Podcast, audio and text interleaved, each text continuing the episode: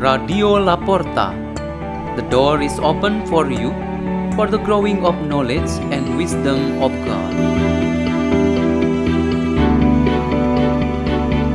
by Manette Maturan from the parish of Saint Don Bosco, Danau Sunter, Jakarta.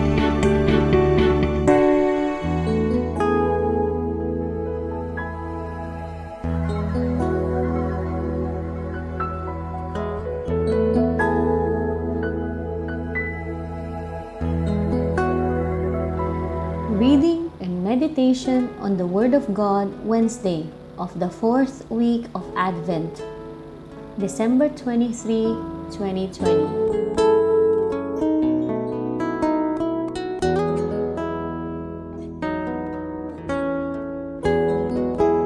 The reading is taken from the Holy Gospel according to Luke.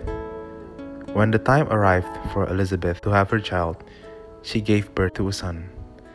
Her neighbors and relatives heard that the Lord had shown his great mercy toward her, and they rejoiced with her. When they came on the eighth day to circumcise the child, they were going to call him Zechariah after his father, but his mother said in reply, No, he will be called John. But they answered her, There is no one among your relatives who has this name. So they made signs, asking his father what he wished him to be called. He asked for a tablet and wrote, John is his name. And all were amazed. Immediately his mouth was opened, his tongue freed, and he spoke blessing God. Then fear came upon all their neighbors, and all these matters were discussed throughout the hill country of Judea. All who heard these things took them to heart, saying, What then will this child be? For surely the hand of the Lord was with him. The Gospel of the Lord.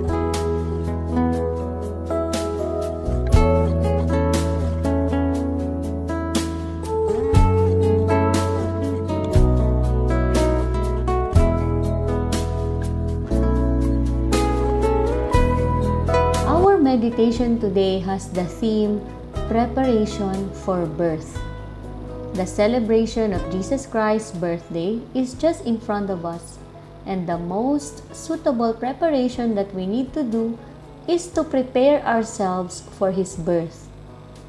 Our yesterday's meditation has led us to this gate of birth, and today we meet the birth of John the Baptist who had prepared us for this great event of our faith.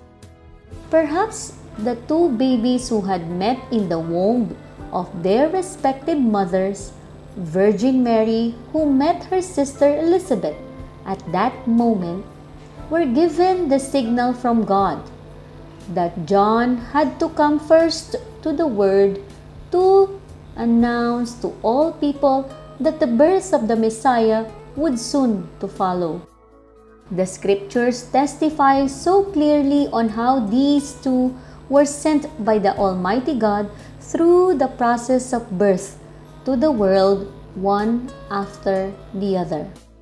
The birth of John the Baptist meant to fulfill the prophecy of scriptures and to realize the plan of God that was to become the voice crying out in the wilderness to prepare the way for the coming of the Messiah, the Word of life. Furthermore, this birth signified a preparation for the way of repentance and liberation of people from darkness and sin. It started with his own father Zechariah, who was eventually liberated from youth, following his doubts over the heavenly message telling him about the conception of John from his marriage with Elizabeth. John's birth inspires us about the birth before Christmas. From the spiritual point of view, we need to be born again. We remember our baptism as our new birth in Christ. We have received the outpouring of the Holy Spirit through the sacrament of confirmation to signify our birth in the Holy Spirit.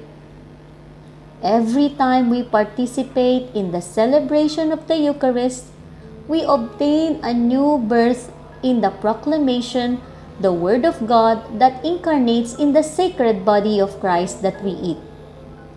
In the confession of faith that we celebrate through the prayer, I believe, and the other devotional prayers, we again do the spiritual acts to strengthen our rebirth in the Lord. In these few days before the celebration of Christmas, it's good that we take time to reflect on all the events that we renew our spiritual birth. We recollect those events throughout the year that may cover us as our clothes, that they may fill our minds and hearts, that they are truly gifts for our spiritual growth and that they help us to do well in the preparation. It is very timely for us to have this wonderful encounter, namely the encounter of life. We are reborn through the Holy Church, where the eternal Word incarnates in the human body and born through the Blessed Virgin Mary. And we are all included in this same church. Let us pray.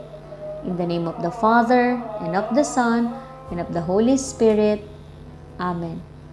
Almighty Lord, renew ourselves in your Spirit, so that we will be reborn as new person to welcome the birthday of Jesus Christ, the Savior of the world. Hail Mary, full of grace, the Lord is with you. Blessed are you amongst women, and blessed is the fruit of thy womb, Jesus. Holy Mary, Mother of God, pray for us sinners, now and the hour of our death. Amen. In the name of the Father, and of the Son, and of the Holy Spirit. Amen. Radio La Porta. The door is open for you.